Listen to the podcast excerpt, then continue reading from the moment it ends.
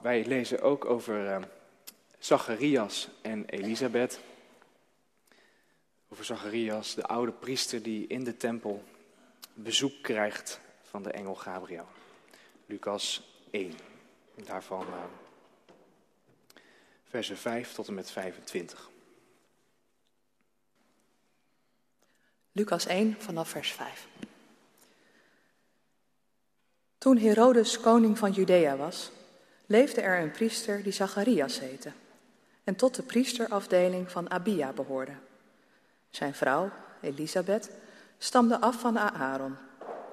Beiden waren rechtvaardig in Gods ogen en leidden een onberispelijk leven, geheel volgens de geboden en wetten van de Heer.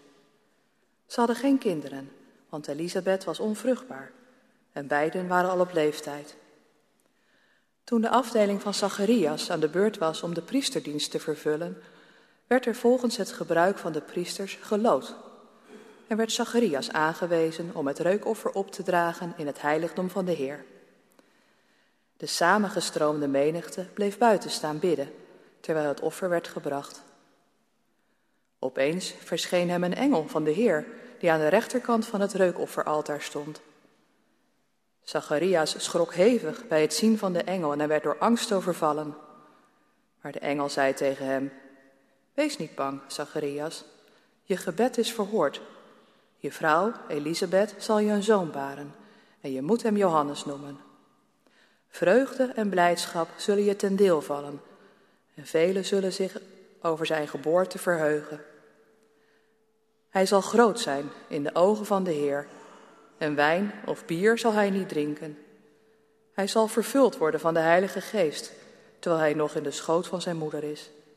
En hij zal velen uit het volk van Israël naar de Heer hun God terugbrengen. Hij zal voor hem uitgaan met de geest en de kracht van Elia, om ouders met hun kinderen te verzoenen en om van zondaars rechtvaardigen te maken. En zo, zo zal hij voor de Heer een volk gereed maken. Zacharias vroeg aan de engel: Hoe kan ik weten of dat waar is? Ik ben immers een oude man en ook mijn vrouw is al op leeftijd. En de engel antwoordde: Ik ben Gabriel, die altijd in Gods nabijheid is. En ik ben uitgezonden om je dit goede nieuws te brengen. Maar, omdat je geen geloof hebt gehecht aan mijn woorden, die op de voorbestemde tijd in vervulling zullen gaan, zul je stom zijn en niet kunnen spreken tot de dag waarop dit alles gaat gebeuren. De menigte stond buiten op Zacharias te wachten en de mensen vroegen zich af waarom hij zo lang in het heiligdom bleef. Maar toen hij naar buiten kwam, kon hij niets tegen hen zeggen. Ze begrepen dat hij in het heiligdom een visioen had gezien. Hij maakte gebaren tegen hen, maar spreken kon hij niet. Toen zijn tempeldienst voorbij was, ging hij terug naar huis. En korte tijd later werd zijn vrouw Elisabeth zwanger en ze leefde vijf maanden lang in afzondering en zei bij zichzelf: De Heer heeft zich mijn lot aangetrokken. Hij heeft dit voor mij gedaan, opdat de mensen mij niet langer verachten. Dit is het woord van God. De preek staan we straks vooral stil bij uh, vers 19 en 20.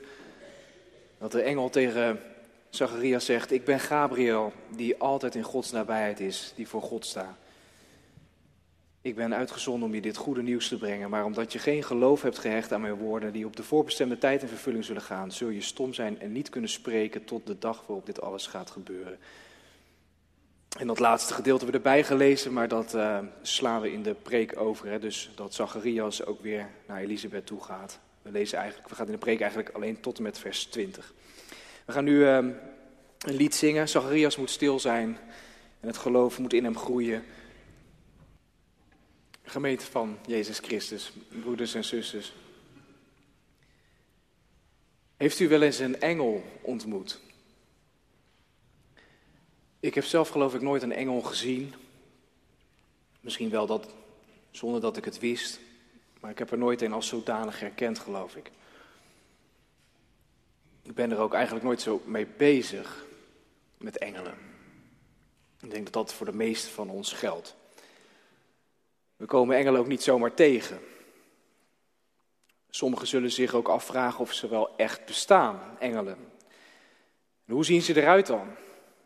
Hebben ze inderdaad vleugels, zoals we vaak zien en zeggen? Geven ze licht? En hebben wij zoiets als een beschermengel? Allemaal persoonlijk, een eigen engel? Of is dat meer bijgeloof? De film Der Himmel über Berlin uit 1987 gaat over twee engelen. Het is een zwart-wit film. Je ziet een oude stad, Berlijn, in grijstinten. Het is nog de tijd van de muur. Het is grauw en eenzaam en tobberig, maar we zien steeds twee engelen. Ze zien eruit als gewone meneren. Ze worden door niemand opgemerkt, behalve door kinderen. Die zien ze wel. Ze lopen door Berlijn en bieden treurige mensen een moment van rust. En wat opvalt, ze zijn heel zorgvuldig en liefdevol in de manier waarop ze mensen benaderen. Ze houden heel veel van mensen. En misschien zijn engelen wel zo. Heel liefdevol, behoedzaam, ondersteunend, beschermend. Een engel brengt verlichting. En wij zeggen soms tegen iemand waar we heel veel aan hebben: Jij bent echt een engel. En als zich ergens een engel aandient, dan klaren de gezichten al gauw op. Engelen associëren we met fijne dingen. Engelen geduld, engelen haar, engelen gezang. In de kerk beginnen we nu ook aan het engelenseizoen. Bij Advent en Kerst gaat het heel veel over engelen. Je hoort maanden hoor je niks over ze. En opeens hebben ze heel veel te doen. Vliegen ze af en aan met goed nieuws en met engelengezang. In de kerststalletjes doen ze ook mee. Het liefst van die uh, beetje mollige poppetjes op wolkjes. Met een harpje en een fluit. Echte sfeerengelen. Daarachter uh, op het orgel hebben ze ook. Echt het seizoen voor sfeerengeltjes. Maar de engel Gabriel is bepaald geen sfeerengel. Hij heeft ook geen engelengeduld. Zijn naam betekent, je hoort het een beetje, Gabriel, El God, gabber van God. Gods sterke man. En als je nu aan gabber moet denken, subcultuur uit Rotterdam, kale jongens, bomberjacks, dat dus niet. Hoewel die associatie minder fout is dan de associatie met popperige sfeerengeltjes. Een gabber heeft iets intimiderends, zoals je die in de metro of tram tegenkomt. De ontmoeting met de oude Zacharias en deze engel heeft ook iets intimiderends eigenlijk. Als Zacharias maar een klein beetje ruimte voor twijfel creëert, dan gaan er bij Gabriel meteen een paar registers open. Weet je wel tegen wie je het hebt? Ik ben Gabriel, die voor God sta en ik ben gekomen om je dit goede nieuws te brengen. Maar omdat je geen geloof hebt gehecht aan mijn woorden, zul je stom zijn en niet kunnen spreken tot de dag waarop dit alles gaat gebeuren. Korte metten. Is dit straf? Krijgt Zacharias nou een uitbrander? Zo van, jij bent hier blijkbaar nog niet klaar voor, hou nou nog maar even je mond dan. Ik denk het wel, ja. Terwijl dat voelt vreemd, want ik vermoed dat wij best wel wat begrip zouden kunnen opbrengen voor Zacharias. En Lucas, de evangelist, degene die dit allemaal geschreven heeft, die maakt een klein portretje van Zacharias en zijn vrouw Elisabeth. Een sympathiek portretje. Lucas introduceert ze aan ons als zeer rechtzinnige, vrome mensen. Hun manier van leven is onberispelijk.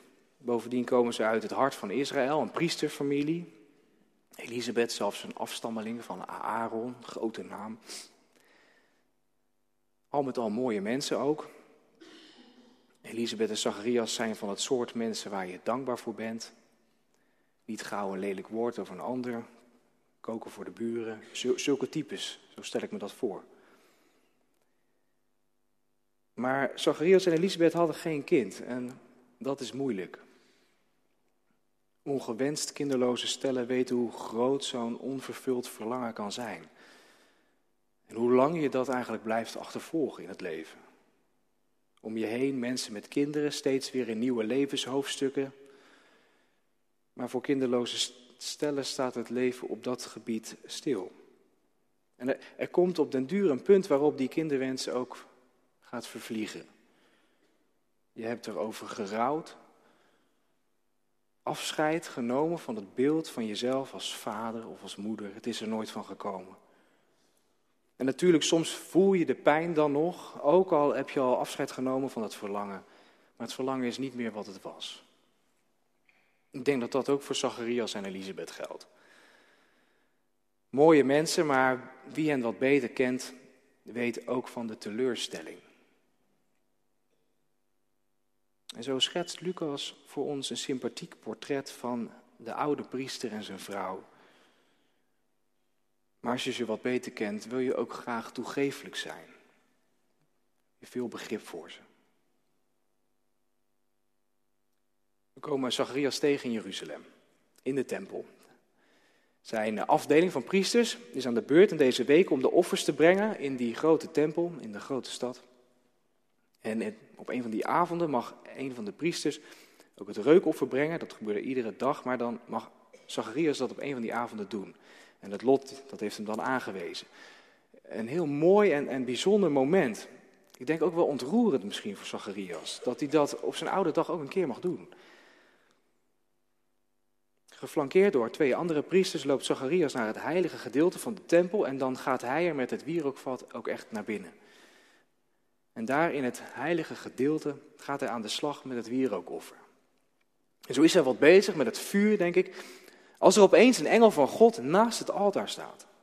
Zacharias schrikt, wordt bang. Eh, wat wil deze verschijning? Wie is dit? De engel stelt Zacharias meteen gerust. Wees niet bang, Zacharias. Je gebed is verhoord. Dat is een heel oud gebed hoor, maar het is eindelijk verhoord. Je vrouw Elisabeth zal je een zoon baren en je moet hem Johannes noemen. En dan vertelt de engel verder en verder. En Zacharias' wenkbrauwen gaan hoger en hoger. Vreugde en blijdschap zullen je ten deel vallen en velen zullen zich over zijn geboorte verheugen. En zo praat de engel verder, maar ik denk na die eerste zin is Zacharias al afgehaakt. Hij hoort het al niet meer. De engel opent een enorm vergezicht voor Zacharias. ik vraag me af of hij het meemaakt. Ik bedoel, dit kan toch niet over hem gaan? Hij kan toch geen kind meer krijgen? Zacharias ziet zichzelf al lang niet meer zo als een vader. Dit is een oud verlangen, een oud gebed.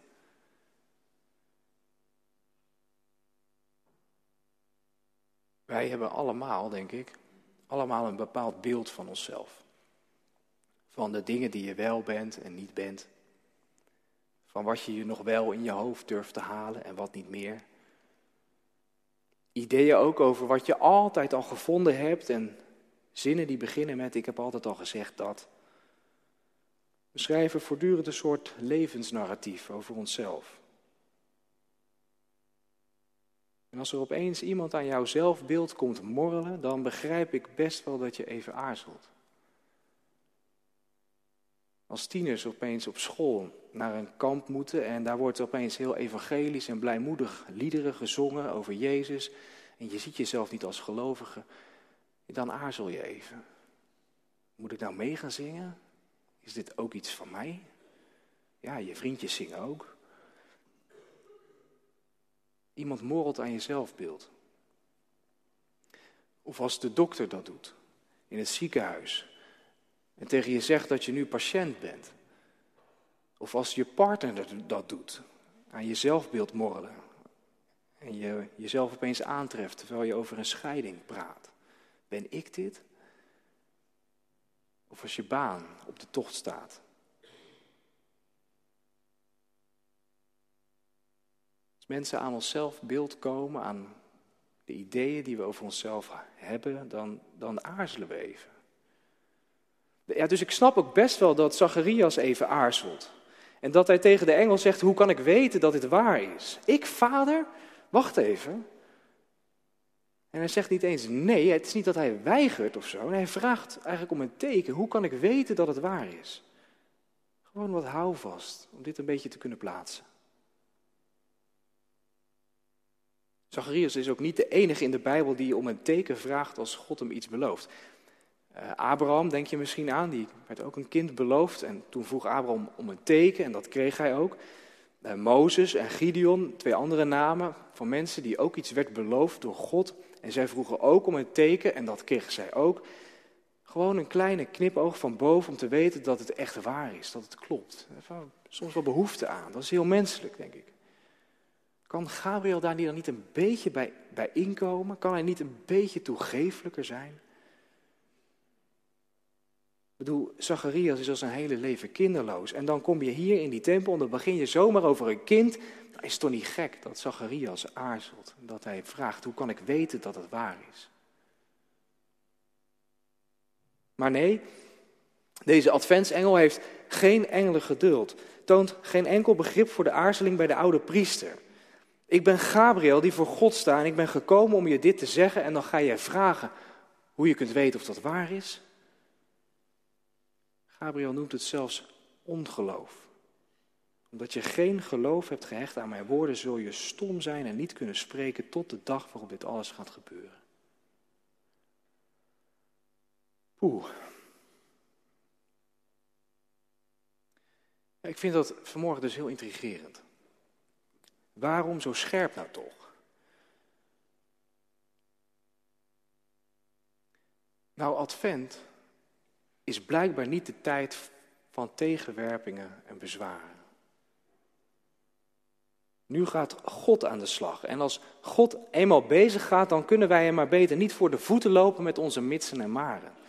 Met onze denkpatronen die zo zijn ingeklonken door natuurwetten en ons grote respect voor het voldongen feit, voor wat gewoon zo is.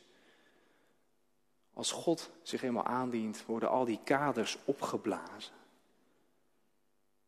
Zacharias wil daar niet aan. Het speelt bij hem. Het speelt ook bij ons, denk ik. Het, het is niet redelijk om te rekenen op het wonderlijke. Terwijl het geloof daarover gaat. Dat met God een totaal andere wereld mogelijk is. Het geloof rekent op het ondenkbare. Het geloof ondermijnt ons respect voor het voldongen feit. Of ik moet het anders zeggen, het geloof ondermijnt ons respect voor wat als voldongen feit wordt gepresenteerd. Het voldongen feit van economieën die wel moeten groeien. Want anders gaat het mis. Het voldongen feit van een technologie die zichzelf niet hoeft te verdedigen, want alles moet toch efficiënter? Alles moet toch sneller? Dat is toch goed? Het voldongen feit van wie we wel op nummer 1 zetten en wie niet. Het voldongen feit van grenzen die we soms wel moeten sluiten.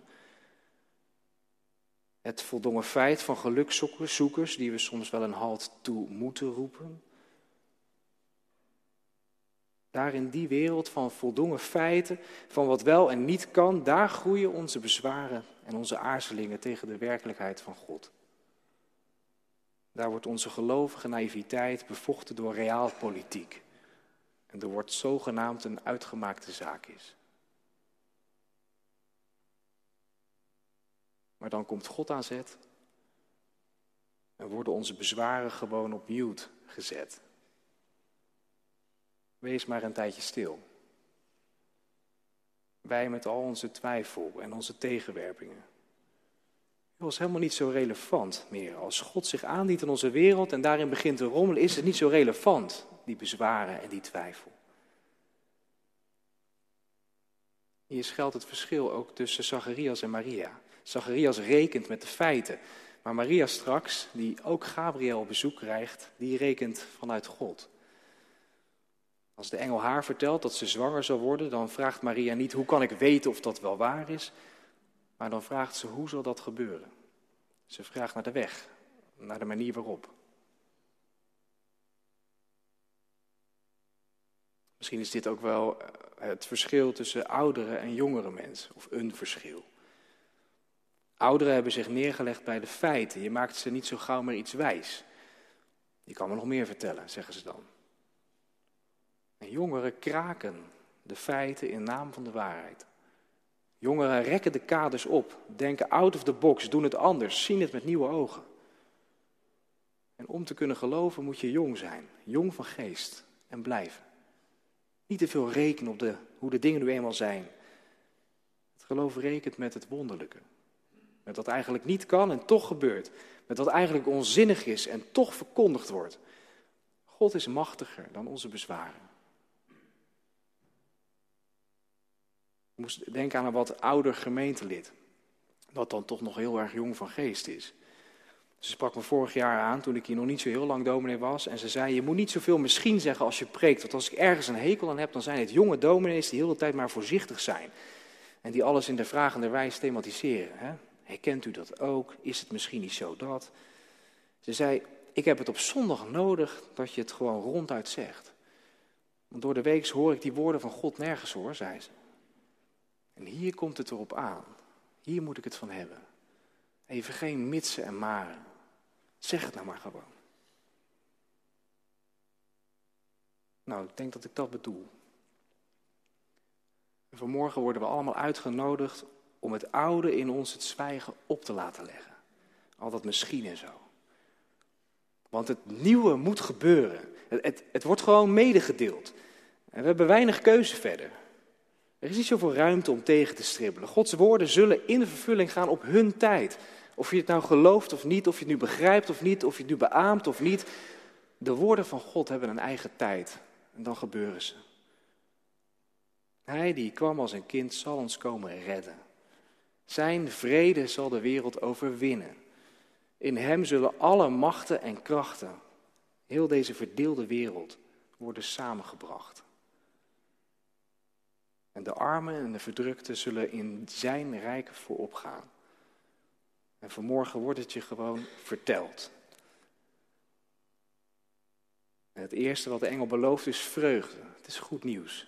Blij maak het nieuws. En je wordt uitgedaagd om vanuit dat nieuwe perspectief naar jouw leven te kijken. En dan even niet aarzelen. Want ik denk dat we het in deze donkere wereld zo nodig hebben. Dat iemand, iemand ons gewoon het zegt.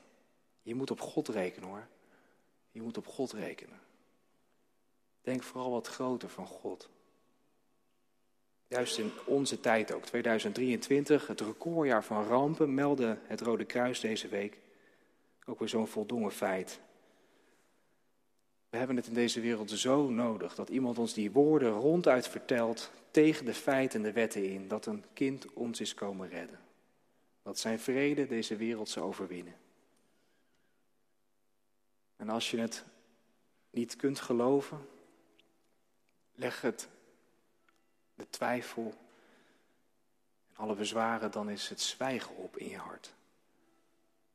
Praat dan wat minder in advent en, en luister wat meer. We hebben geen sfeerengeltjes nodig vandaag, maar een gabber, een Gabriel die het oude in ons het zwijgen oplegt en die ons een stille advent geeft, zodat er van binnen in ons hart en in ons midden iets kan gaan groeien. Onze wereld is oud, zo oud als Zacharias. Maar God kan zelfs met wat oud is nog iets nieuws beginnen. Wat is het ondenkbare van God, wat in jouw leven zou kunnen gebeuren? Misschien hoe je jezelf niet ziet, maar hoe God jou wel ziet. Spreek het niet tegen, maar voed het. Lof zij u Christus in eeuwigheid. Amen.